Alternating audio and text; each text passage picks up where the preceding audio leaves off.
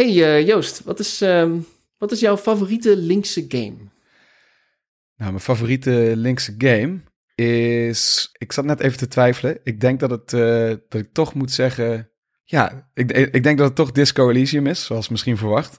Ehm, Disco Elysium. ja, Disco Elysium is een, eh, een, een, game gebouwd door een, een, een... Wat is het? Een Letse studio, als ik het goed heb. Zaum.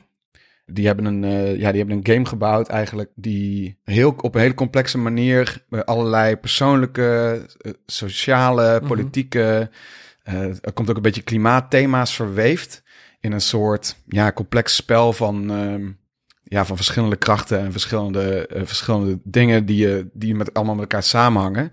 Het is Ja. zeg maar een, Wat voor, wat voor spel is het Het is eigenlijk? een- ja, ik wil net zeggen, het is hierbij inbeelden? ja, het is een Op de game. oppervlakte is het een, een detective verhaal, toch? Het is, ja, het is eigenlijk een, het is eigenlijk een detective verhaal. Het is, het, volgens mij is het, het is S, toch? Het is S game, als ik het goed heb. Eh, ik weet niet zeker. Maar um, anyway, het, ja, het is een detective verhaal waarin je een moord moet oplossen. Maar die moord die is, die, is heel erg verbonden aan allerlei eh, politieke nou, krachten die, die spelen in een soort eh, parallel universum eigenlijk. Een, een, een realiteit die op het eerste oog heel erg op die van ons lijkt. Maar dan uiteindelijk blijkt dat helemaal niet zo te zijn. En blijkt er heel veel anders te zijn.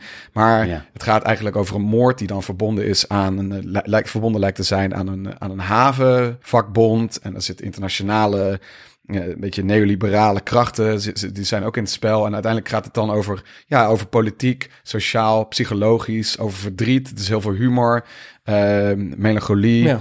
Eh, ja, ook wat, ook wat mens- en natuurachtige dingen erin. En heel, heel, heel mythische lagen. Het is gewoon een geweldig spel. En ik vind het zo interessant omdat het, ja, omdat het eigenlijk heel veel, heel veel lagen raakt en je niet iets probeert. Te, het probeert je niet iets te leren of zo. Het is gewoon heel erg een expressie van de makers van het spel. En ik denk dat dat, eh, Hmm. ja, dat, dat, dat heel veel waarde heeft. Dat, er, gewoon- dat je gewoon eh, ja, in, in aanraking komt met allerlei ideeën en allerlei eh, ja, expressies eh, van, van zo'n van zo'n clubje makers, zeg maar. En dat, daar, dat, je, daarin gewoon, dat je daardoor veel kan reflecteren en zo, maar niet op een manier waardoor je heel erg ge- gedwongen wordt om op een bepaalde manier over na te denken, zeg maar. Ja, dat is waar. Dat zijn wel, het overigens wel de makers die volgens mij toen ze een Videogame Award wonnen, eh, specifiek Marx en Engels bedankten Ja, precies. voor hun, hun political education. Ja. Dat is ook een beetje spraakmakend. Dus het is wel een linkse game in, in de zin van dat er een, een bepaalde, misschien een bepaalde ideologie achter zit of zo. Eh, ja, in die maar zin. die wel- probeert het je niet op te leggen. Nou ja, de, de, de game is, he- heeft zeker wel een, een, een linkse achtergrond, maar is ook wel bijvoorbeeld heel. eh, de, het, de, het communisme wat in de game voorkomt, is echt heel erg hardline communisme. En daar wordt ook wel heel Mhm. veel kritiek op geleverd, zeg maar. En ook op, eh, ook, op- ook op het vakbondsocialisme, daar zijn ze wel heel. Dat, is wel heel veel kritiek en ironie rond dat. eh, en, en, en ook dat er daar dan allerlei corruptie Ja. bij speelt en zo. Dus het is best wel een.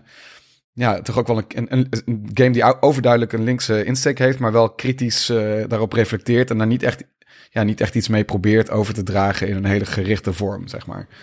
Maar het neemt niet genoegen met gewoon de makkelijke ideeën erover. Nee, precies. Ja. Ja, dus eh, de andere game die ik wilde noemen was Wolfenstein. de, de New Colossus en de New Order. ja, omdat... Nou, de, en de reden dat ik dat wilde noemen is omdat... eh, dat is wat strijdbaarder. Redelijk wat Ja, strijdbaarder. dat is gewoon nazi's doodschieten. Ja, maar, maar wat ik zo cool vind aan, aan die nieuwe Wolfenstein games... is dat het ook structureel racisme... en hoe dat in de Amerikaanse maatschappij ingebed zit... eh, bekijkt en de complexiteit daarvan. Ook een absurde humor met een heleboel zwaarheid combineert en zo. En ik vind dat wel krachtig. En het heeft wat meer, eh, het heeft wat meer optimisme dan Disco Elysium, zeg maar. Ja, wat meer, wat meer optimisme over dat de nazi's daadwerkelijk wel doodschietbaar zijn. Ja, en dat, er, dat, eh, dat, het, dat, het, dat verzet mogelijk is, zeg maar. Ja, Ja, ja ja, dat vind ik ook een fijne gedachte persoonlijk. precies. En daar gaan we het deze aflevering over hebben. Als je nazi's doodschiet, ben je dan niet de echte nazi? Oh, ja. Dat, Oh, gaan we het dat is waar daarover het hebben? Oké. hebben. Ja, ja, surprise. Dat is waar we het over gaan hebben. Ja, We interessant. zijn het redelijk in midden. En nu echt. Jingle. Jingle. Dat is niet hoe de jingle gaat.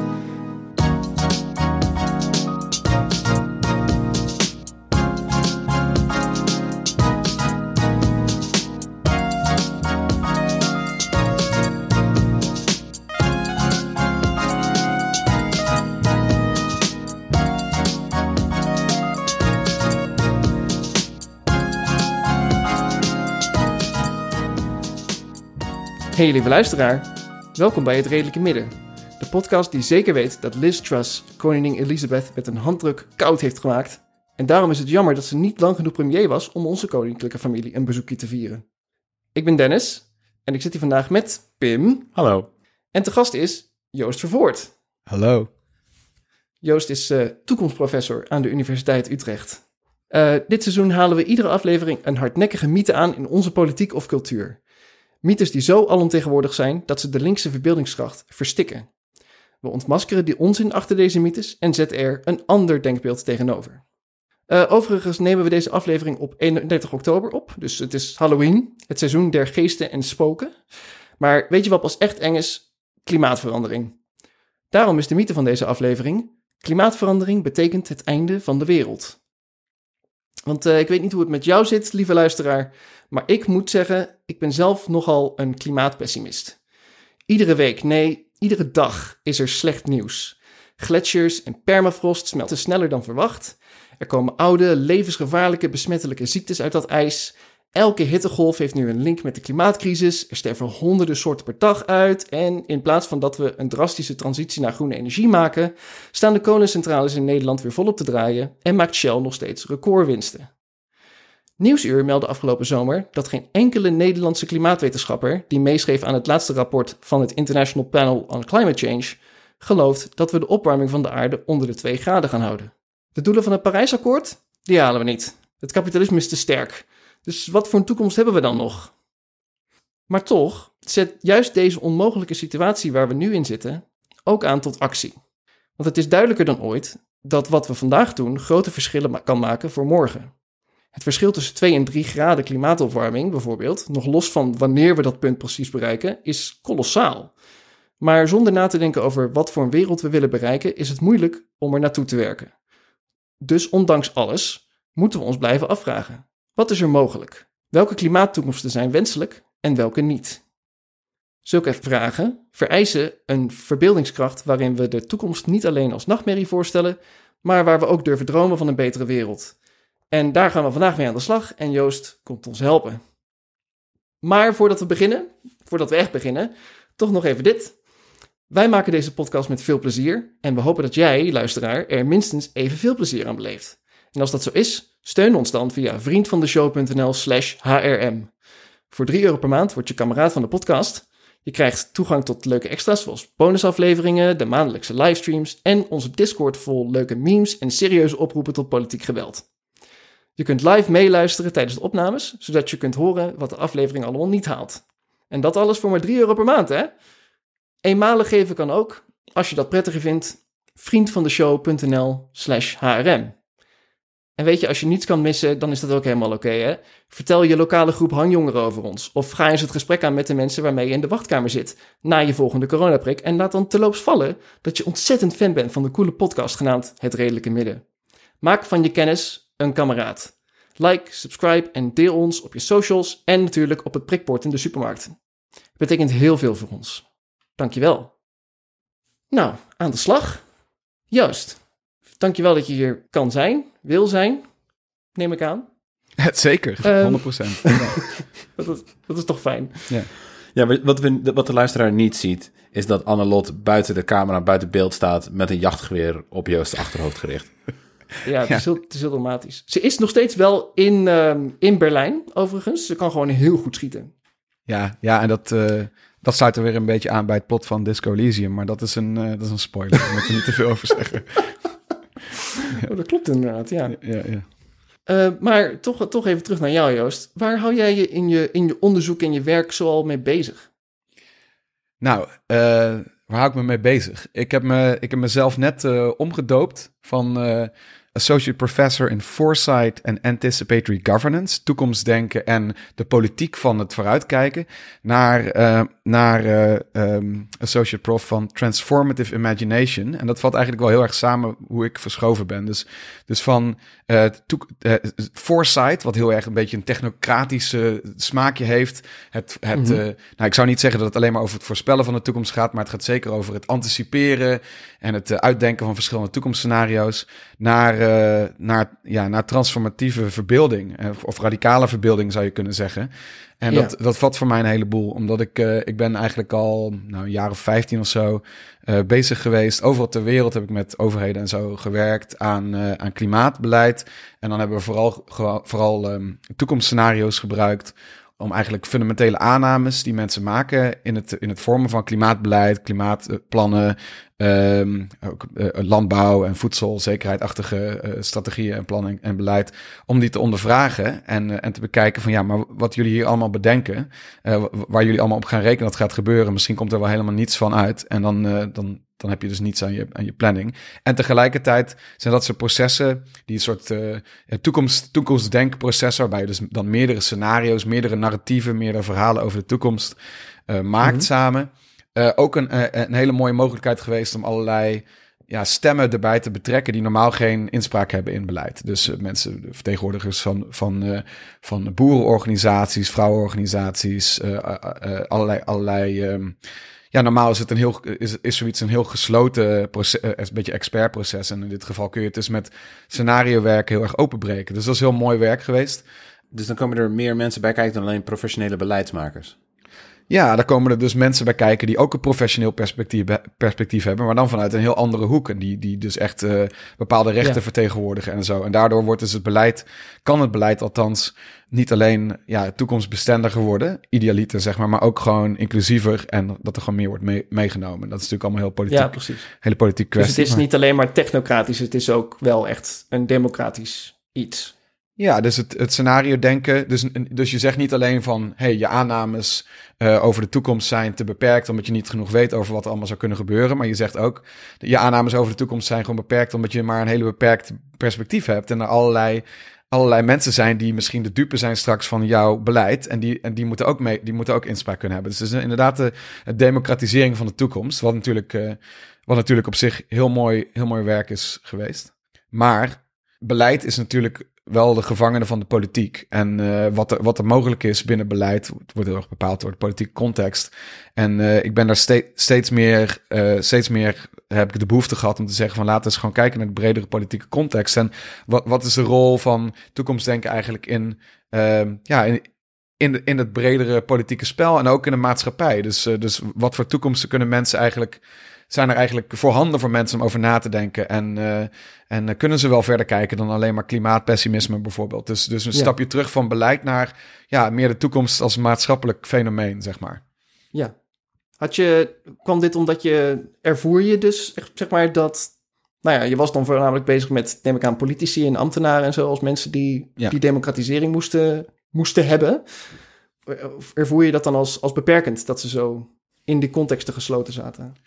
Ja, want uiteindelijk, uiteindelijk kan je natuurlijk met zo'n scenario-proces wel de boel openbreken. Maar eh, Mhm. de politieke richting van een land is de politieke richting van een land. En eh, dan kan je Ja. dus in de marge wel wat dingen wat, wat beter en inclusiever maken, stemmen meenemen, et cetera. Maar uiteindelijk gaat dat dan weer terug een politiek proces in. eh, waar je natuurlijk Mhm. maar, ja, waar, waar, dat, waar dat gewoon de boventoon voert. Dus dan, dan is een beetje de vraag in hoeverre het niet heel incrementeel werk is. Wel, in, wel in een bepaalde manier impactvol, want je bent echt sa- samen met mensen bezig om, hè, om budgetten ook een beetje andere kanten op te sturen en dat soort dingen. En dan gaat het heel erg, eh, we bieden dan heel erg het, het kader aan en de mensen, hè, iedereen die erbij betrokken is, gaat zelf daarmee aan de slag. Dus je faciliteert Ja. het vooral. Maar ja, eh, uiteindelijk, eh, uiteindelijk kan je maar zoveel doen in een beleidscontext eh, als de politiek een bepaalde richting op gaat, zeg maar. Precies. En nu ben je dus bezig met, je bent van, van toekomstprofessor naar verbeeldingsprofessor gegaan. Ja. En eh, wat, is, wat, wat, is dan, eh, wat is dan wat je nu doet eigenlijk? Nou, dat werk waar ik net over vertelde, dat, eh, daar ben ik nog steeds ook mee bezig. Maar daarnaast ben ik meer en meer geïnteresseerd in ja, wat, we nog, wat we nog meer kunnen doen in andere maatschappelijke ruimte. En bijvoorbeeld in de media en, en dan specifiek games. Dus ik werk heel veel met. eh, Mhm. eh, ik ben eigenlijk, ik heb best wel veel werk gedaan met game, eh, games te gebruiken als een soort tool voor democratische processen van nadenken over de toekomst en zo. Een beetje zoals dat scenario werk. Maar hoe meer Ja. ik daarmee bezig was, en dat was is echt wel tof werk geweest. Uh, hoe meer ik me realiseerde van, ja, je hebt een hele game-industrie, wat gewoon een enorme, me, gewoon een megasector is, waar, waar constant, uh, natuurlijk gaan niet alle games over toekomst, maar toch wordt, uh, er is veel wat een beetje, in ieder geval in de richting van verbeelding en toekomstdenken en zo gaat.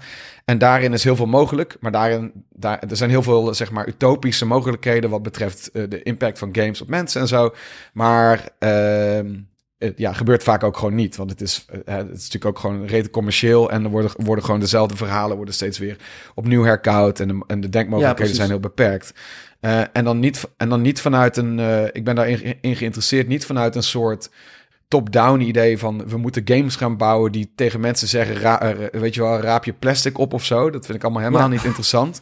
Het is echt vanuit minder water. Ja, pff, ja, zout op, weet je wel, helemaal niet interessant. Het, ja. gaat, het, gaat, echt, het gaat echt over uh, voor, wat mij betreft, althans. Kijk, gaat, gaat het veel meer over wat voor verbeeldingsruimte uh, brengen games. En het, het, concept dat ik daar, uh, daarbij hanteer, eigenlijk sinds kort geïnspireerd door Cassie Robinson, een, een, een, Engelse ja, systems innovator zou je kunnen zeggen, is imagination infrastructures. Dus het idee van wat, zijn de wat is de maatschappelijke infrastructuur om collectieve verbeelding mogelijk te maken? En dan ook daarbij de vragen wie. Um, wie mag daarin meedoen? En wie, wie, wie is financieel, uh, sociaal, et cetera, veilig genoeg om, uh, om hun verbeelding in te zetten op een manier die, uh, ja, die ook die, die ertoe doet voor henzelf, voor de maatschappij, et cetera. Dus, dus dat, en ik denk dat daarbij ehm, games heel interessant zijn en heel veel mogelijkheden bieden, die voornamelijk nog niet, nog geen werkelijkheid zijn, zeg maar.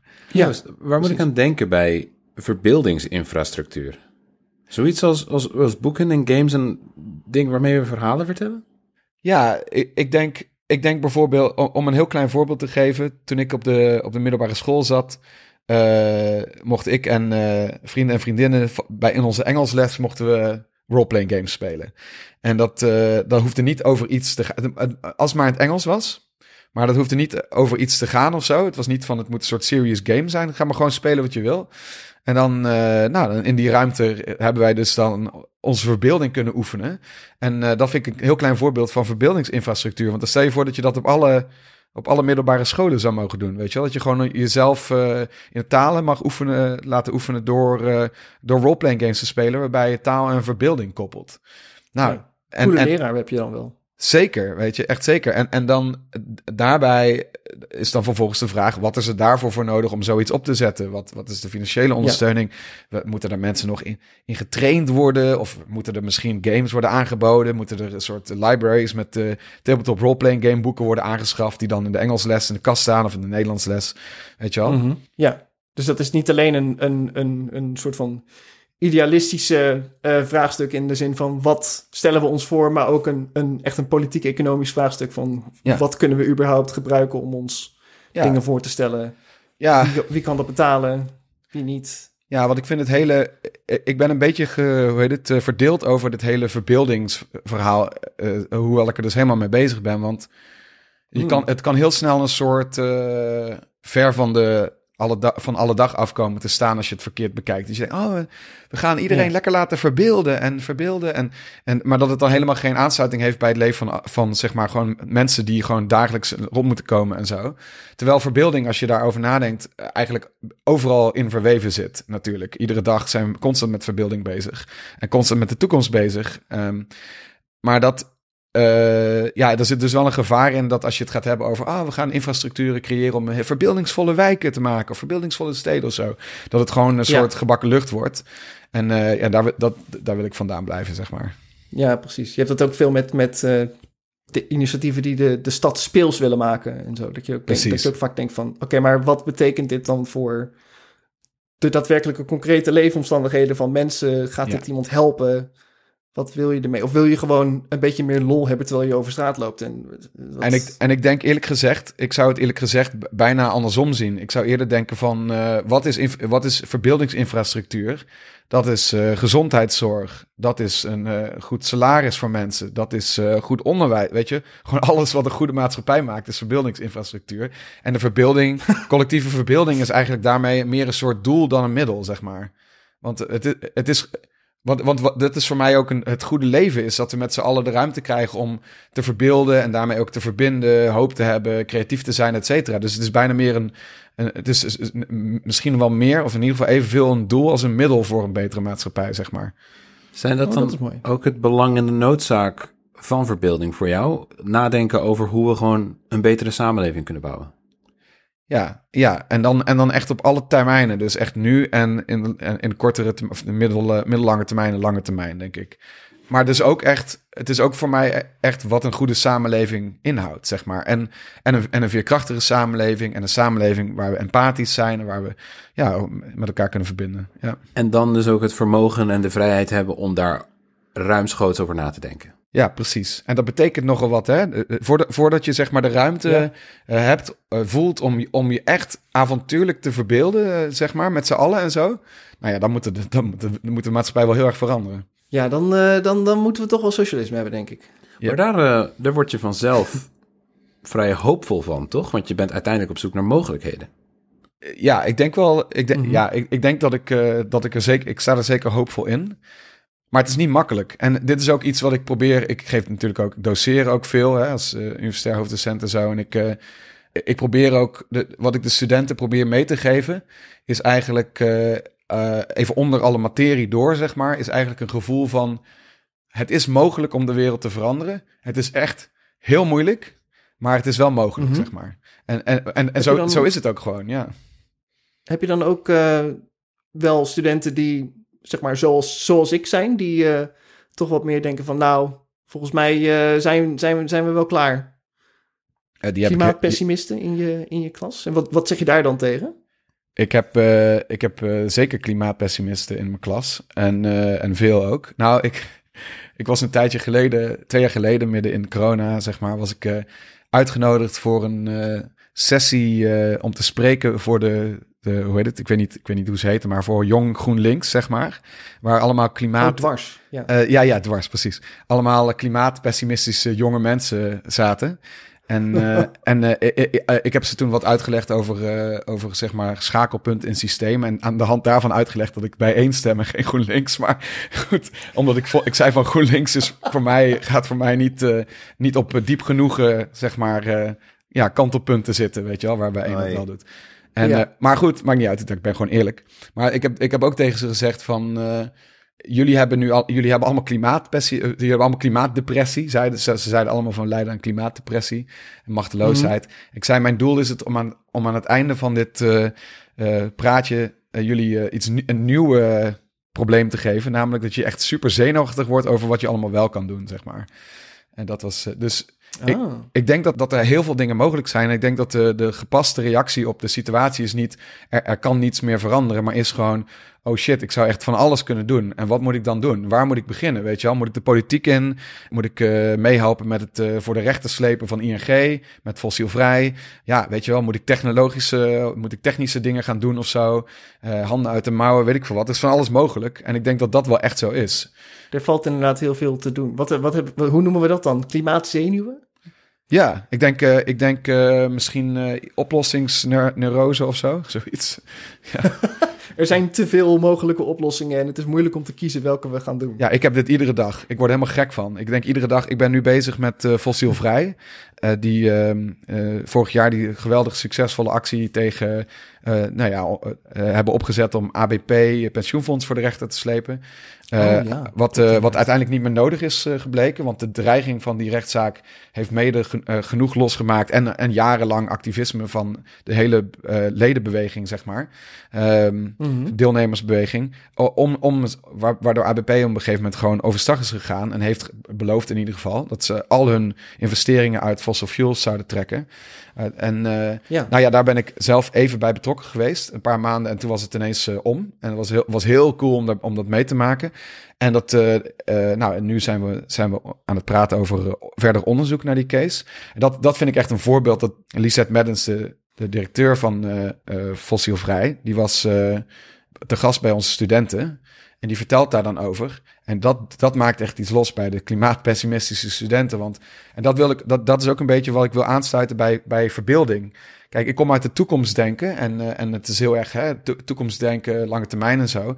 Maar ik denk eigenlijk dat zo'n actie als, nou, weet je, als Milieudefensie, Urgenda en Fossielvrij, die dus de grote spelers voor de rechter slepen, dat dat in zekere zin, dat doet echt iets met de verbeeldingsmogelijkheid van mensen. Want die denken, eerst denken ze er is niets mogelijk. En dan zeggen ze, oh, oké, ze winnen rechtszaken tegen de grote der aarde. Oké, en dan gaat Ja. ineens die verbeeldingsruimte open. Weet je, en dat merk je ook aan de studenten toen Lisette bij ons kwam spreken. Ja, daar verandert er gewoon een boel mee. Maar ik zat er vandaag over na te denken. Super cool. En ik ben ook, eh, ik ben ook, eh, hoe heet het? eh, ik, ga, ik, ik, heb ook weer even met Fossielvrij gepraat. Dat ik graag weer ook als vrijwilliger bij ze aan de slag wil. En niet alleen als wetenschapper. Want ik wil ook gewoon dat werk gewoon doen. En ook gewoon het, gewoon het dagelijkse werk doen. om daar ook van te leren. Maar, maar tegelijkertijd denk ik dan weer, en vandaag hebben we natuurlijk, eh, is natuurlijk de overwinning van, eh, van Lula geweest. En tegelijkertijd Oh ja. Tegelijkertijd glijden we in Nederland het fascisme in. En dan denk ik, ja. Ja. moeten we ons niet allemaal gewoon op de politiek richten en op, op, de, op puur die politieke beweging. eh, Mhm. Om daar mensen mee om te krijgen. En natuurlijk is het allemaal gekoppeld. Nou goed, dus dat is mijn, hoe, hoe noemde ik het nou net? Eh, nou ja, laten we zeggen handelingsneurose of zoiets. Ja, zoiets. Maar ik bedoel, in, specifiek in Brazilië is natuurlijk zo'n politieke overwinning heel belangrijk. eh, dat, omdat, omdat Bolsonaro eh, ontzettend veel bezig was bijvoorbeeld met het afbranden van, Ja. het, Ja. van de Amazone. Terwijl dat juist onder Lula's presidentschap met iets van 80%, 89% was gedaald. Ja, Ik zag daar vandaag ergens een, een grafiekje over. Dat het onder Lula 89% was gedaald. Ja. En onder Bolsonaro weer flink aan het stijgen was. ja, Eh, en als Lula weer hetzelfde, dezelfde trend in zou zetten, dat hij het voor het eind van het decennium weer flink zou kunnen, flink zou kunnen afkappen. Dus dat zou, wel, dat zou wel cool zijn. En dan is het wel echt een hele goede, concrete klimaatoverwinning. ja, precies. Precies. En, en ik denk dus dat dat ook echt een voorbeeld is. Weet je, iedere keer als er zo'n politieke overwinning of nederlaag wordt, ja, wordt gehaald of geleden, zeg maar, Mhm. eh, gaan, gaan onze verbeeldingsruimte weer meer open en dicht. Dat denk ik. En ik denk dat dat dus. Ja.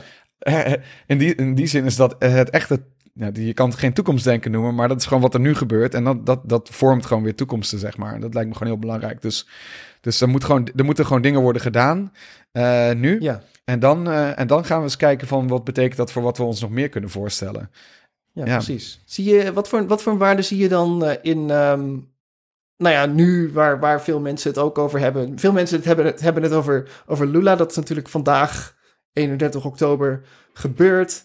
Maar, ehm, maar, maar we hebben natuurlijk ook de afgelopen week, weken veel gehoord over mensen die, die soep gooien naar kunst. Ja, In musea en zo. De Just Stop Oil. We hebben het nu ook gehad in Nederland. Ja. Ja. Het meisje van de parel. Vind ik zelf overigens niet erg, want ik ben meer een gezicht op Delftman. Die hangt er recht tegenover in die zaal. Veel cooler schilderij. Maar daar kijkt nooit iemand naar, dus je hebt hem altijd voor jezelf. Dat is wel heel fijn. eh, heel fijn. Maar wat is, wat is daar de, ja, de, de verbeeldingsruimte die geopend wordt? Ja, ik vind dat dus, eh, ik vind dat dus super interessant. Ik zat eh, van de week in eh, Londen met wat collega's die zich bezighouden met kunst en, en duurzaamheid. En een project dat Creatures heet. Hele schattige naam. Hadden we het hier over. en toen was het net die dag, was het, hoe heet het in het Mauritshuis, was het, was het feest, zeg maar weer. En ehm, Ja. ik, eh, ik vind het prachtig. Want ik denk, ik denk dat, eh, kijk, punt 1 wordt de kunst niet beschadigd. En eh, al zou het wel zo zijn, dan kun je, kun je daar nog over praten, zeg maar. Maar, het, gebeurt, maar Ja. het, het is niet met de bedoeling om de kunst te beschadigen. Het is symbolisch. En eh, al die mensen die allemaal zeggen: Oh, maar nee, maar dit is dom. En hiermee polariseert het debat en zo. Ja, maar het is overal ter wereld worden besproken.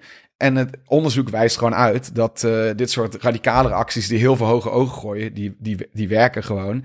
En die hebben ook dat, eh, hè, dat soort extreme flankeffect. Wat bijvoorbeeld ook Extinction Rebellion heeft gehad voor fossielvrij. Extinction Rebellion is wat extremer, activistischer. Eh, nou ja, en fossielvrij, die, die, die, worden, die, die komen wat, mo- wat meer eh, moderate over. Maar dit, is, dit, zo Ja. werkt dat. dat, dat die, die versterken elkaar. En, en de meer extreme acties, die versterken. Dan zeggen mensen, ja, maar dit vind ik wel erg extreem. Maar goed, ik ben wel voor eh, de de meer moderate. Ja, Ja, Voor- Ja, maar ik even ben voor de duidelijkheid. Joost, ehm, je pleit voor, voor hoop en verbeeldingskracht, maar je bent wel van mening dat er echt ingrijpende, systeemontwrichtende handelingen nodig zijn. In ieder geval moeten flink bijdraaien van wat we nu aan het doen zijn. 100%. En het gaat natuurlijk eh, niet alleen maar om klimaat. Het gaat gewoon over, eh, wat mij betreft, is on onlosmakelijk verbonden met hele ideologieën over hoe we willen leven. Hè? Dus uh, we zitten gewoon vast in een hyperkapitalistisch, kapitalistisch, individualistisch, liberaal systeem. En, en, dat is natuurlijk gewoon de bron van dit alles. En daar moet gewoon dingen in verschuiven. En dan, daarom zijn je juist zo'n, is juist zo'n Lula-overwinning of wat er ook, wat er ook bijvoorbeeld in Frankrijk een beetje aan het opbouwen is en zo, is is daar, daarmee hoopgevend. En ik denk, ik ben Mhm. dus ook helemaal niet iemand die zich bezighoudt met het klimaatprobleem aan zich. Want ik denk gewoon niet dat het daar ligt. Het ligt gewoon dieper, zeg maar. Ja. Oh ja, dat is wel, dat is wel, dat is wel mooi. Ik, eh, ik wilde je nog, nog gaan vragen naar eh, wat ehm, de Indiaanse schrijver Amitav Ghosh eh The Crisis of Imagination Mhm. eh, noemt. En dan gaat het voor, volgens hem een verbeeldingscrisis in het Ja, eh, ja. Nederlands. Waar hij het dan wel echt specifiek heeft over dat klimaatverandering Ja. in heel veel cultuur en media niet echt verbeeld wordt. Het, wordt niet echt, het, het is niet echt een ding. De opwarming van de aarde bestaat niet in, Mhm. in, in de roman als, als medium. Maar ik begin eigenlijk al te vermoeden dat, dat jij een crisis of imagination veel breder zou opvatten als, als echt een systeemcrisis. Een, een, een, Ja. een, een politieke en economische crisis, niet alleen maar een, eh, een culturele crisis, zo- gezegd. 100%. Het gaat echt over. eh, ja, het gaat, het gaat natuurlijk ook heel erg over in wat voor wereld leven we en wat zien we iedere dag om ons heen. En wat wordt er ons iedere dag Mhm. verteld over wat er mogelijk is. Het, het, eh, there is no alternative-achtige denken. Ja, Ja. Daar, zitten we gewoon, daar zitten we gewoon op een, in een meer brede zin in vast. En, en, en dat gaat van, eh, ja, dat gaat van materieel, cultureel, politiek. eh, weet je, op alle niveaus eh, zi- zijn daar beperkingen in. En het is natuurlijk een soort ja, het, het, loopt met elkaar. Want, want als, als onze verbeelding meer ruimte zou krijgen, dan zouden we ook meer mogelijkheden zien dan, dan voorheen. En dan kun je ook allerlei dingen gaan openmaken. Maar dat, dat, moet, dat moet dan ook weer kunnen. Dan moet, je ook, dan moet je ook veiligheid voor voelen op allerlei niveaus. Veiligheid is denk ik heel belangrijk. Want voor, met als je je veilig kan Ja. voelen, dan kan je, je, kan je moedig zijn in je verbeelding. Mensen die, eh, die worstelen met een traumatische ontwikkeling, die hebben, daar, daarin kan het zijn dat verbeelding best wel geblokkeerd raakt. En ik denk je dat, dat je dat, ja, om dat voorzichtig als metafoor op maatschappelijk niveau te trekken, denk ik dat dat ook nog steeds wel een beetje geldt, weet je. Hm. Ja, kapitalisme is de verbeeldingscrisis. Ja, ja Misschien het is een, een crisis van alles, maar zeker ook van de verbeelding. Ja. Eh, maar, maar toch heb ik wel, ik heb wel het idee dat er, dat er toch de afgelopen tijd, de afgelopen jaren, dat het wel een klein beetje begint om te slaan ook. Met Hmm. dat, er, dat er, weet je, we hadden bijvoorbeeld Don't Look Up. Dat was natuurlijk zo'n zo'n heel ding. Ja. Echt een, eh, een, een, een, een klimaatfilm. ja. Zelfs binnen. binnen Pim, Pim kijkt nu heel, heel, heel schuldig, omdat hij, eh, omdat hij fan is van de film. Sorry, Pim, waarom ben je zo fan Look van Up Don't Look Up? effectief. Ik denk dat als heel veel mensen het erover kunnen hebben... en er een soort van sterke gedeelde boodschap... over een apocalyptische klimaatvisie naar buiten komt... dat het dan waarschijnlijk wel heeft gewerkt. Niet per se het idee Ja. dat je wil delen met de wereld, maar... Nee, alles wat, alles wat Ja. ervoor zorgt dat er over gesproken wordt, is natuurlijk goed. En, eh, en je weet nooit, je weet nooit, je kan het niet lineair maken. Je weet nooit wat het bij mensen triggert, weet je wel. Ik heb eh, als kind, eh, hoe heet het, ehm, kinderboeken gelezen, geschreven door Greenpeace, waarin ze hun, de, de, heldhaftige acties van hun schepen romantiseerden. En ik vond het het vetste Ja. ooit. En daarom zit ik nu met jullie op Ja. deze podcast, ja. Dat vind, ik, dat vind ik een geheel logische. En ik kan, ik kan zo die lijn trekken persoonlijk. Maar Ja, Dankjewel, tussen dat Ik en- hield ook van Ja. schepen. Mede, mede dankzij die aflevering van Alfred Jodokus Kwak... waar hij natuurlijk bij de marine gaat. En ik wilde zelf ook bij de marine. Net als dat Nou. ik op Balkenende heb gestemd. Maar gelukkig ben ik van beide afgestapt. ja precies. En eh, dat Maar je op zit Balken je hebt gestemd, en- komt ook door, eh, door Alfred J. Kwak, of niet? ik denk het wel, ja. Ja, sowieso. Ik vond persoonlijk toch wel met, met Don't Look Up. Ik bedoel, let's be, let's be real. Ik vond het een, een goede en leuke film. Ik heb hem met, eh, met, met oud en nieuw gekeken. Echt, het was de eerste film die ik keek in het jaar 2022. Dat, dat namen mijn, mijn partner en onze gast me niet echt in dank af. Maar ik vond hem heel leuk. Eh, maar ik had toch wel een beetje het idee dat in die film... De, het, het idee van de film is natuurlijk... er komt een komeet op ons af... dat gaat de hele Mhm. aarde verwoesten... en we moeten iets doen om hem te stoppen... Ja. voor het geval je hem niet gezien hebt... of er niet van gehoord hebt. Maar ik had toch een beetje het idee... is dat wel wat klimaatverandering is? Weet je, het is niet een, de klimaatverandering is meer een soort van een doorlopende, stille ramp die steeds net een klein beetje van de wereld wegeet. Ja, ja Eh, ik, heb, ik, en- heb, en- ik heb zelf echt grote moeite met het idee dat we eraan gaan door klimaatverandering. Ja. Ik denk dat dat heel erg wegdrukt. Dat het enorm eh, verschillen tussen arm en rijk en waar we wonen en zo, dat het enorm eh, verschillend gaat zijn. Eh, het, gaat ons, het gaat ons in Nederland, om het zo maar te zeggen, misschien veel geld kosten. En nog allerlei andere proble- problemen opleveren. Een beetje afhankelijk van hoe erg het precies wordt.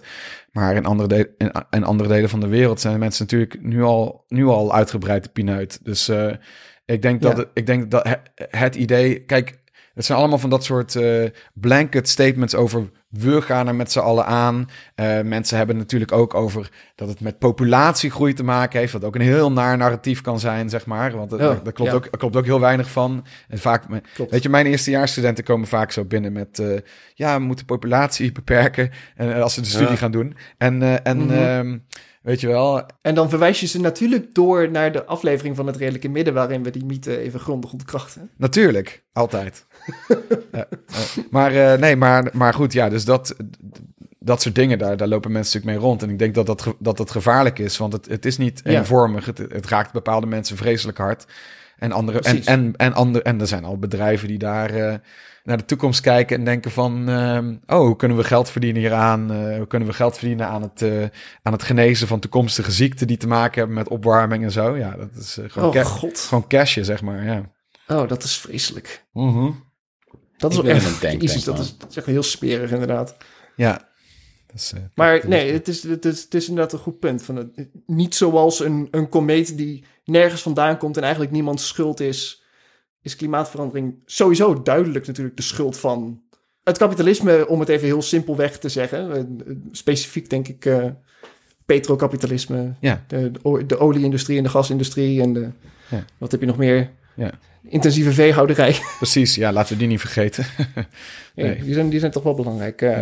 En inderdaad, dat het ons dus, ons dus niet allemaal in één keer op dezelfde manier pakt, zoals een enorme meteoriet dat wel zou doen. Nee. En ja, wiens wereld gaat eraan? Niet, eh, niet, niet die van ons, die nog niet. Ik bedoel, het is dan wel, wat was het? Het was eh, 20, 20 graden eind oktober in Nederland. Dat is, oeh, nou, weet je wel. Ja, Frankrijk Schokkend. gaat een hittegolf van zo'n eh, 30 graden tegemoet in, eh, in november. En ten tijde van In opnemen had Genua ook eh, lekker 30 graden aan het strand, als ik me niet vergis. Maar Ja. Joost, Heerlijk. als we dan zo naar klimaatverandering en klimaattoekomst kijken, wat voor toekomstbeelden zie jij dan voor je? En wat voor ideeën zijn er mogelijk? Als de wereld toch niet ten einde gaat, Ja, wat voor wat toekomstbeelden? gaan we dan wel doen? Ja, er zijn echt miljoenen scenario's mogelijk, denk ik. Het ligt er maar aan hoe, eh, waar, waar je je op richt en hoe je het afbakent en hoe positief of, op, eh, of eh, negatief je erover wil zijn, denk ik. Maar als we, het, als we het een beetje in het positievere houden, want ik denk dat dat een beetje de, de bedoeling is van de vraag, zeg maar. Ja. ja, we, hebben het er al, we hebben het er al een beetje over gehad. Ik, ik denk dat, en als, om het een beetje bij de inspiratie van, eh, van Lula te houden vandaag. Ik denk dat, eh, Mhm. dat mensen die gewoon hard werken aan brede, breed gedragen, inclusieve socialistische bewegingen. Die leiden tot de politieke veranderingen, maar die echt gedragen. Ik heb ooit een, een aflevering van het Redelijke Midden geluisterd over Lula. Waarbij het ook heel erg ging over wat is nou de re- reden dat het hem lukt. En dat is dat ze in, eh, in Brazilië toch echt veel partijen de handen ineens slaan. En toch die verschillen, eh, hè, dat, dat het niet allemaal versplinterd is en zo. Maar dat er op allerlei niveaus samen wordt gewerkt. En eh, Ja. ik denk dat je dat ook een beetje achter Bernie Sanders hebt kunnen zien en zo, bijvoorbeeld. Eh, dat, het, dat het dus best wel Zeker. veel op veel niveaus, op verschillende manieren dingen georganiseerd worden. Het gebeurt nu ook in Frankrijk. Ehm, Mhm. dat, dat, dat moeten we overal zien. En ik denk dat eh, meer en meer acties die mensen echt de ogen openen voor de kracht van de burger. eh, bijvoorbeeld dus ook wat Fossielvrij heeft gedaan, Milieudefensie Agenda hebben gedaan. Dat, dat verspreidt zich nu ook als een lopend vuurtje. En overal beginnen de rechtszaken tegen, eh, tegen de grote, zeg maar, de investeerders, et cetera. De oliemaatschappijen zelf. De reclames worden aangepakt. Nou, allemaal dat soort dingen. Het narratief wordt aangepakt. Dus de, pilaren worden om, omgezaagd, zeg maar. Van, tenminste, wordt een goede poging gedaan, laat ik het zo zeggen. Ja, als er op een of andere manier niet te veel pandemieën en oorlogen overheen kunnen rammen, zeg maar. Want dat is natuurlijk wel heel lastig geweest ook. Eh, Ja. eh, heel moeilijk. Eh, dan, dan denk ik dat dus het laten zien van de, de kracht van burgers en van, van mensen. echt de, de basis kan zijn. Ik wil niet te veel nadruk Ja. leggen op de, op de nieuwe generatie, want dat vind ik heel zielig voor ze, want die moeten dan alles dragen. Ik denk dat het ook flauw is, weet je, dat we allemaal, allemaal eh, wat, wat kunnen doen, zeg maar. Ja, maar precies. goed, Als alleen de nieuwe generatie het moet doen, dan is ineens de helft van de bevolking nergens meer verantwoordelijk voor. Precies, en dat wil ik, niet, wil ik absoluut niet zeggen. Maar tegelijkertijd eh, geef, krijg ik wel hoop van, van zeg maar, de mensen die ik in mijn onderwijs zie. En dat zijn natuurlijk hele specifieke mensen. Maar ze zijn wel veel activistischer dan, dan mijn generatie was in de tijd, bijvoorbeeld. Mhm. Dus dus daar, daar zie ik mogelijkheden. Ik denk echt concrete. En toch komt het dan ook weer neer op verbeelding. Want zoiets als, eh, eh, eh, als die, al die soep, soep- en verfacties van nu. Wat je er ook van kan Ja. vinden. Het, het brengt de discussie enorm op gang. En het spreekt tot de verbeelding. Ehm, je, moet er, ook- je moet er ook maar op komen om te denken, bijvoorbeeld bij Milieudefensie en Shell. is het zo geweest dat ze hebben gezegd van we gaan niet Shell voor de rechter slepen op basis van hun ja, schuld, maar op basis van hun verantwoordelijkheid. Dus we gaan ze niet, ze moeten niet boeten voor wat ze hebben gedaan. We gaan ze aanpakken, en dit is ons juridische argument, zeg maar, op hun verantwoordelijkheid richting de toekomst. En daar moeten ze Ja. hun beleid op aanpassen. Nou, dat, dat is Ja. allemaal inventiviteit en verbeelding en, en daadkracht en Precies. moed. En, en dat steekt dan weer andere dingen aan. En daaruit zie ik gewoon... Ik heb laatst met mijn studenten... ehm, er is een methode waar ik, eh, waar ik veel mee werk. Die heet eh, eh, Seeds of Good Anthropocenes. Dus zaadjes van een, een Oh, mooi. betere anthropoceen of betere anthropocenen in het meervoud. En, en dat is eigenlijk een project wat we hebben opgezet met wetenschappers van overal uit de wereld. Waarin we mm, hebben gezegd van, we hebben dit probleem van, nou, alles is echt kloten en heel moeilijk. Maar we moeten betere, we kunnen niet, niets anders dan die crisis of the imagination doorbreken. En betere toekomsten, ons, eh, ons betere toekomsten voorstellen. Maar in plaats van dat we daar nou een soort hele oppervlakkige, mondi, eh, zeg maar, ja, een soort algemene verhalen over gaan houden. Gaan we gewoon eh, kijken van wat gebeurt er nu al, weet je wel. Dus, dus Ja, een, een fossielvrij, eh, een, een nieuwe manier van eh, co- coöperatief, eh, weet je, zonnepanelen managen. Allemaal van dat soort initiatieven. Dat zijn dan de zaadjes, dus de Mhm. seeds. En die kun je dan gebruiken in onderwijs, in denkprocessen met, met beleidsmakers, eh, met, met actiegroepen, whatever. Om te zeggen, wat als we nou bijvoorbeeld ja, zo'n co- coöperatieve eh zonnepanelenclub combineren met het aanklagen van eh, de grote supermajors en de fossil fuel industrie, zeg maar. Ehm, Mhm. en, en daarmee kun je dus, dan heb je de zaadjes die echt uit de concrete de praktijk komen van nu. En de zaadjes om je verder te verbeelden wat er zou kunnen. Nou, dit heb ik laatst met mijn studenten gedaan. En ehm, we hadden toen, eh, we Ik gebruikten denk toen... trouwens, Sorry? even, even tussendoor, ik denk dat Ja. Pim zich afvraagt, wat is een antropoceen? Oh, nee, ja, ik... Anthropoceen. Ik wil natuurlijk het woord opperen, menstijd. Gewoon de Ja, tijd Menstijd. waarin mensen eh, een beetje de aarde en het milieu en eh een leefomgeving massaal beïnvloeden. Maar Ja, en het antropoceen, het antropoceen is ook een tricky term. Want het antropoceen laat het heel erg klinken alsof mensen in het algemeen hè, de, de aarde vervormen en zo. Maar, eh, maar er is ook heel veel kritiek op die term geweest, omdat het eigenlijk gewoon gaat om, om een vrij kleine groep mensen. Eh, en het gaat om bepaalde industrieën. En zoals we al hebben gezegd, dus de term het kapitaloceen wordt ook veel gebruikt. Eh, de pla- Mhm. plantationocene, dat het echt uit een soort plant, koloniaal plantation-achtige eh, modus komt en zo. Maar goed, anyway.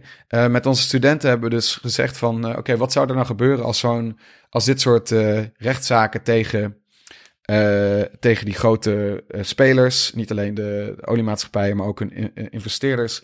overal succesvol zijn? Wat voor wereld is dat Mhm. dan? Nou, de wereld die daaruit kwam was echt een wereld waarin dus mensen dan voor eens en altijd beseffen hoeveel macht je hebt als burger. Gewoon. Dat je gewoon echt dingen kan organiseren en eh, dat de wereld daardoor kan veranderen, zeg maar. Dat, en dat was een prachtige wereld om, om, voor, om ja, ons eh, voor te stellen. En Ja, ja, nou ja, en om dat, dan weer te, om dat dan weer te vangen, zijn we nu bezig met het ontwikkelen van een, eh, een, een game. Eh, die gebaseerd is op, eh, op Phoenix Wright Ace Attorney, een oude eh, serie van games waarbij je rechtszaken doorspeelt in een soort speelse anime-achtige setting. Het zijn dan gewoon moordzaken en zo. Maar dan gaan we, die- we gaan zo'n game bouwen, maar dan over klimaatrechtszaken. En daar hebben we, een, een- een- ik, heb, ik kan het nog niet onthullen, maar een hele bekende gameschrijver bij betrokken. Er is iemand bij uit het productieteam van Horizon Zero Dawn, van, van Horizon Forbidden West moet ik zeggen, zeggen van een grote game uit Oh, Nederland. En, eh, en we gaan daar dus een game Cool. overbouwen. En het bedoeling van die game is dan weer om mensen inspiratie te geven van echt, zeg maar, dat je echt mee kan spelen van, oh, ik zou, dit, ik zou hier ook aan kunnen bijdragen. En het allerleukste is dan nog dat we die game eh, met crowdfunding deels gaan laten funden. En, een- en een groot deel van die crowdfunding gaat dan weer eigenlijk naar eh, de klimaatrechtszaken die echt bestaan. Dus het, de game zelf bestaat dan nog niet, maar het wordt een soort stip aan de horizon die mensen inspireert Ja. om funding te geven. En dat, en dat gaat dan naar echte klimaatrechtszaken. Ja. Ja, Joost, Dus- ik vind dit zelf ook al bijzonder inspirerend. Want wat jij eigenlijk lijkt te vertellen ook, is dat er niks zo besmettelijk is als samenwerking en verbeelding. Precies. Ja, 100%. Dat is, hoe, dat is hoe bewegingen beginnen. Dat is op zich wel... eh, Ja, ik ben dus heel erg geïnteresseerd Scherp. in. Ik ben heel erg geïnteresseerd in, eh, in social movement theory, zeg maar. Ik ben nog een beetje een newbie eh, op het gebied van sociologie. Ik ben eigenlijk een bioloog. ik, ben, ik zit nu in een politieke, politieke wetenschappelijke vakgroep, zeg maar. Bestuurskundige vakgroep. Maar, je eh, maar spreekt niet als een bioloog inderdaad, zeg maar. Dat, Nee, nee, dat is lang geleden. Lang geleden dat ik een bioloog was. Maar het, het complexiteitsdenken komt daar wel vandaan, zeg maar. En eh, ec- ecologie en zo, maar dat ben ik al lang niet meer. Maar ehm, eh, de, de, de cultuursociologie en de sociologie van social movements, eh, ja, van bewegingen vind ik super interessant daarin. Ähm, mhm. Ja, ook weer gekoppeld bijvoorbeeld aan, eh, aan muziek. Ik was vorige week eh, was ik bij een, een, een eh, sessie over muziek en duurzaamheid in muziek en, en, en ja, maatschappelijke bewegingen. Ik zit zelf ook in een. want je hebt, zelf, je hebt zelf een band, toch? Ja, ik zit zelf in een, in een metalband Terzijde Horde. En wat heel grappig is met Terzijde Horde is dat eh, er, zijn wat, er zijn wat mensen in de Nederlandse politiek die fan van ons zijn. Dat is, dat is heel leuk. Zoals Esther Ouwehand. En je, hebt daar, je hebt die gitarencoalitie, hè? Die uh, Esther Oh is ja, natuurlijk net, ja, ja, net ja. gestopt, maar ehm, die gitarencoalitie. En eh, en op een gegeven moment was het verhaal dat, ze- dat ze Daan de Neef eh, bij de VVD hebben weggepraat eigenlijk. Omdat hij het niet meer trok. En hij, hij zat in die gitarencoalitie. Dus hij was de enige VVD'er tussen de linkse, de linkse mensen eh, in die club. Voor de rest is het ehm, Lisa Westerveld, Peter Quint. Ja, eh Lise Westerveld, Peter Quint en eh, Esther Ouwehand. En, eh, Oh ja, eh, en misschien nog andere, maar in ieder geval die, die, ken, die, die ken ik, zeg maar. En Mhm. er is een foto van die gitarencoalitie waarin Daan een t-shirt aan heeft van Tezijde Hoorde, wat echt heel grappig is. Ja, dus, dus op, en, dan, en dan vraag je je weer af van, oké, maar wat betekent dat? Want weet je, die band, dat is ook weer verbeelding, maar dan gaat het echt meer over een soort onderbuikgevoel van gewoon activeren en energie. Het is black metal, het is knijterharde muziek. Uh, maar we zijn wel vrij expliciet over waar de muziek over gaat in interviews en dat soort dingen. Uh, zijn laatst Ja. ook mee op tv geweest. En uh, ja, ik, ik vraag me daar ook heel erg bij af. Van wat kunnen we daar nou nog meer mee doen om, om bij te dragen aan, uh, aan de verbeeldingsruimte, zeg maar. Ja, de Mm. kracht, de kracht van muziek is inderdaad wel heel, heel duidelijk hier. Heeft de VVD er weggekaapt bij de VVD. Ja, precies. Misschien moeten we gewoon, zeg maar, bij, bij het huis van iedere VVD'er een, een linkse metalband neerzetten. Totdat ze hun lidmaatschap opzeggen. ja, precies. Ja, want, Concrete klimaatactie, de macht van de burger. want NS, NS1, het heeft gewerkt bij Daan de Neef. Dus het gaat, gewoon bij, gaat ook bij Rutte werken. Die wordt gewoon metal fan Ja. en dan... uh, ja, Kunnen. Zo, zo sterk kan die man niet in, niet in zijn overtuigingen staan, toch? Nee, dat geloof ik ook niet. Heeft hij Ja, visie is als een olifant. Dus dan kun je met, met, met metal kun je zo eh, van kant wisselen. Nou, mooie oplossing. Ja, dat vind ik ook. Heel concreet. Just Stop Oil of zo. Ga hiermee, ga hiermee aan de slag. Dit is, eh, dit is uitstekend. Ja. Ja, huur Dennis eh, en mij met onze softrock band voor bruiloften en natuurlijk demonstraties op het Binnenhof. Ja, precies. geweldig. Klinkt goed. Ja. Of bruiloften, bruiloften die dan demonstraties worden. Dat kan ook, hè? Dus dat, Mm, dat zijn de beste bruiloften. Denk ik Dat ook zijn de beste bruiloften. Ja, precies. Ik ga altijd naar bruiloften die in demonstraties ver- veranderen. Dat gebeurt me zo vaak. Echt Je gooit gewoon eh, het boeket, in plaats van dat je het achterover gooit, gooi je het richting de dichtstbijzijnde politicus. En tegen wie Ja. je hem aangooit, die mag iedereen in elkaar slaan. Ja. ja, klinkt goed. En dan een beetje, moet de, de kleding moet wel een beetje erop gemaakt zijn natuurlijk. Met een beetje Ja, flexibel tuurlijk. kunnen Zwarte baklava's. Ja, Ik zei balaklava's, niet baklava's. Baklava wordt opgediend, balaklava's dragen we. Ja, leuke, ver- dit is een leuke verbeeldingsoefening. Ik, eh, ja, precies. We zijn al bezig. We hebben nu al, ja, we, zijn, we hebben al een hele andere wereld eh, ja, ons voorgesteld. precies. Ik heb toch nog, ik denk dat ik één vraag heb voordat we naar, de, naar, naar het einde gaan. En het heeft toch ook weer te maken met een soort van dat je, wat je concreet eh, kan doen. Want we zitten nu heel erg in het, eh, in het, in het politieke, politieke en in het, in, het, eh, in het juridische. En in het, het soort activisme dat zeg maar aandacht vraagt. En Mhm. dus op die manier zeg maar, op de verbeelding eh, werkt. Maar je noemde bijvoorbeeld net ook als een van die zaadjes voor een betere menstijd. een coöperatief voor zonnepanelen. Ja. En dat is toch wel van een hele andere orde, denk ik. Dat is heel alledaags, Ja. zeg maar. Als iets, iets dat je echt in je, in, je, in je alledaagse leven kan doen... Om, om een groenere toekomst, zeg maar, alvast nu tastbaar te maken. Ja, Ik denk dan ook echt al aan dingen als, eh, als mensen die thuis hun eigen voedsel gaan verbouwen. ja, Mensen die, die nadenken over, die, die een huis laten bouwen dat bijvoorbeeld niet... Dit is een behoorlijke middenklasse oplossing. ja. Om een, een huis te laten bouwen dat, dat van materiaal gemaakt is... dat bijvoorbeeld veel beter warmte isoleert of dingen uit de grond kan halen. Mhm. Maar dat zijn wel, weet je wel, het soort dingen die ervoor zorgen dat we wat beter kunnen leven. Heb je daar nog meer voorbeelden van? Van dingen die mensen nu kunnen doen om te zorgen dat hun leefomgeving beter wordt, bijvoorbeeld? Ja, goede vraag. Ik denk, dat er, ik denk dat er heel veel mogelijk is. En ik zou meer, meer iets over willen zeggen. Want ik bedoel, ik kan, ik kan je gewoon naar die, naar die website sturen. goodanthropocenes.net. En daar staan honderden voorbeelden van dingen die je zou kunnen doen om, Hmm. je te, om je te organiseren. Eh, ik denk dat, dat ik meer in algemene zin, weer vanuit het verbeeldingsperspectief, zou zeggen dat dat, dat altijd goed is. Dus dat het goed is om eh, echt materieel bezig te zijn met verandering. Niet alleen maar omdat je dan dingen verandert, maar ook vooral omdat je jezelf ook iets leert en jezelf ook eh, in een ander leven plaatst. Waardoor je ook je, je eigen verbeeldingsruimte en je actieruimte en je inspiratieruimte en je netwerken en je sociale verbanden en zo allemaal verandert. Doordat je gewoon, doordat je gewoon met dingen bezig bent. Ja, dus dat, dat is denk ik, eh, dat is denk ik me. Weet je, ik had vandaag bij de, we hadden we een discussie over populisme en wetenschap en het klimaat eh, Mhm. op de universiteit. En ehm, ging het over simpele boodschappen. En ehm, de- hè, vandaag was het, wat was het nou? Rob Jette die kwam met een verhaal van, eh, ja, ga vaker op de fiets of zoiets. Bij de, wat was het, Wereldklimaatdag of zoiets. Ze hebben weer wat, Oh, ze ja. hebben weer wat verzonnen.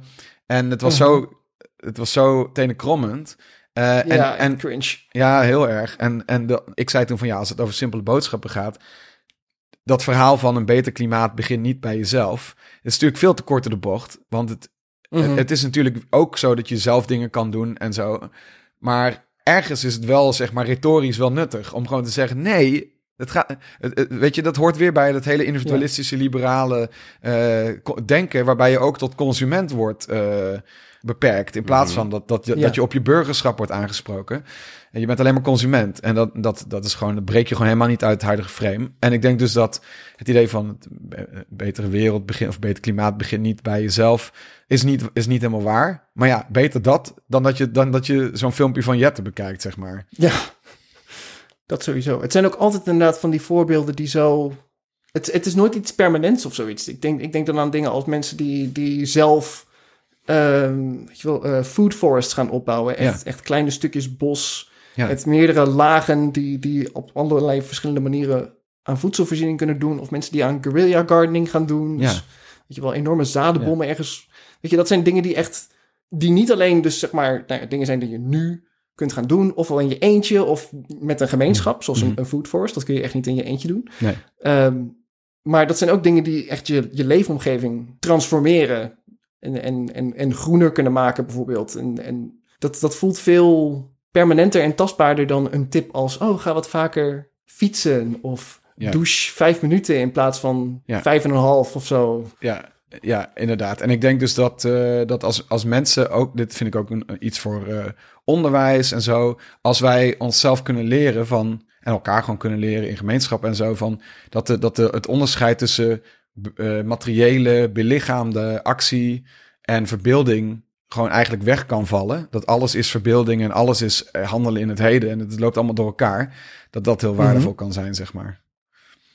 Ja, Dus als ik jullie moet geloven, als ik drie dingen mee moet nemen naar wat kan ik doen aan het eind van deze aflevering, is dat schoffelen, paddo's en Disco Elysium.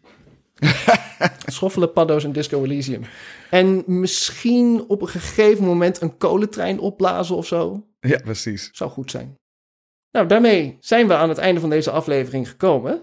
Dus hartstikke bedankt, Joost. Ja. Maar eerst, voordat we naar de afsluiting gaan, het redelijke midden van deze week. Eh, Pim, wil jij die misschien doen? Jazeker. Het redelijke midden van deze week komt van Eleonora. Grazie mille.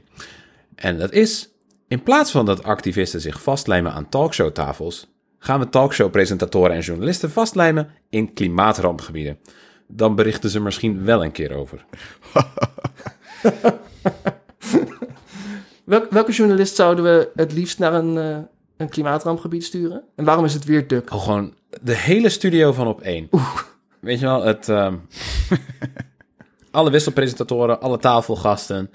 En ook, weet je wel, die mensen die dan... Dat, dat is iets heel Nederlands, dat publiek behang dat we hebben. Dat Ja. je mensen gewoon om de, rondom de studio zet... zodat elk camera-shot een paar aandachtig luisterende... eh, witte blonde vrouwen heeft van zo'n 27 jaar oud. Dat is eh denk ik Specifieke nodig. leeftijd. Ja, dat denk ik inderdaad ook. Lijkt me een heel We goed. zullen ze missen. Zeker. En waar moeten ze dan naartoe? Dat is dan nog de vraag. Maar... Oh, zoveel, zoveel keuzes tegenwoordig. Want Zeker. de klimaatramp is gaande. Klopt. Ja, je hoeft niet zo heel ver eh, weg. En het is misschien ook eh, duurzamer om ze niet te ver te vervoeren. Oh, dat is, dat is waar. En ze moeten er met de trein heen. Zeker. Plakken ze eerst vast aan de trein. En dan eh, maken ze weer los. En dan plakken ze vast ergens aan de grond. Ja, Ik wil Ja, een is- ballonoplating suggereren, maar dat is ook slecht voor het klimaat. Bovendien raakt de helium op. Weet je, echt gewoon Oh ja. op, op. We hebben straks geen Nou, helium meer, de- omdat het in ballonnen is buiten. Oh jee. Ja, dat is geen grap. Oh, dat is ook weer slecht nieuws. Hmm. Waar halen we dan onze hoge stemmetjes vandaan? Ik weet het niet, Dennis. Maar eh, waar kan je ons vinden op sociale media? Oké, ik ga niet... ik ga niet ook een hoge stem opzetten nu. Voordat we bij de sociale media komen, nog, e- wil ik eerst nog even onze luisteraar Tom bedanken. Die helemaal begin dit jaar, vlak nadat ik had aangekondigd dat ik een klimaattoekomstaflevering wilde maken, een, een uitstekende mail stuurde. Een hele lieve mail vol met lees- en luistertips, waar ik heel veel aan gehad heb en die me echt geïnspireerd hebben om deze aflevering vorm te geven. Dus dat was super behulpzaam. Thanks Tom. Mocht je nou, luisteraar, bijzonder genoten hebben van deze aflevering, kun je hem delen met geliefde vrienden, families, collega's en kameraden. En je kunt ons, zoals we eerder ook al zeiden, steunen op vriendvandeshow.nl slash hrm voor 3 euro per maand. En Pim vroeg net waar je ons kunt vinden. Je kunt ons vinden op Twitter en Instagram. Daar zijn we redelijke midden. En tegenwoordig zitten we ook op Mastodon. redelijke midden, mastodon.online. Dat is, loopt- rolt toch niet zo lekker van de tong. Eh, Doe beter, Mastodon. Hmm. Vragen, complimentjes, memes of ideeën voor nieuwe afleveringen kun je ons sturen via de mail naar hetredelijkemidden.gmail.com. Eh Joost kun je volgen op, eh, op Twitter op vervoort underscore Joost. Eh, mij volg je op neoludification. En als je niet weet hoe je dat spelt, het spijt me, soms weet ik het zelf ook niet meer. Maar het staat in de account bio van onze podcast. Pim die heeft geen leuke social media, maar je kunt hem wel vinden op LinkedIn. Hartelijk bedankt voor het luisteren en tot de volgende keer. Doei doei. Tot ziens. Jemig. Nice.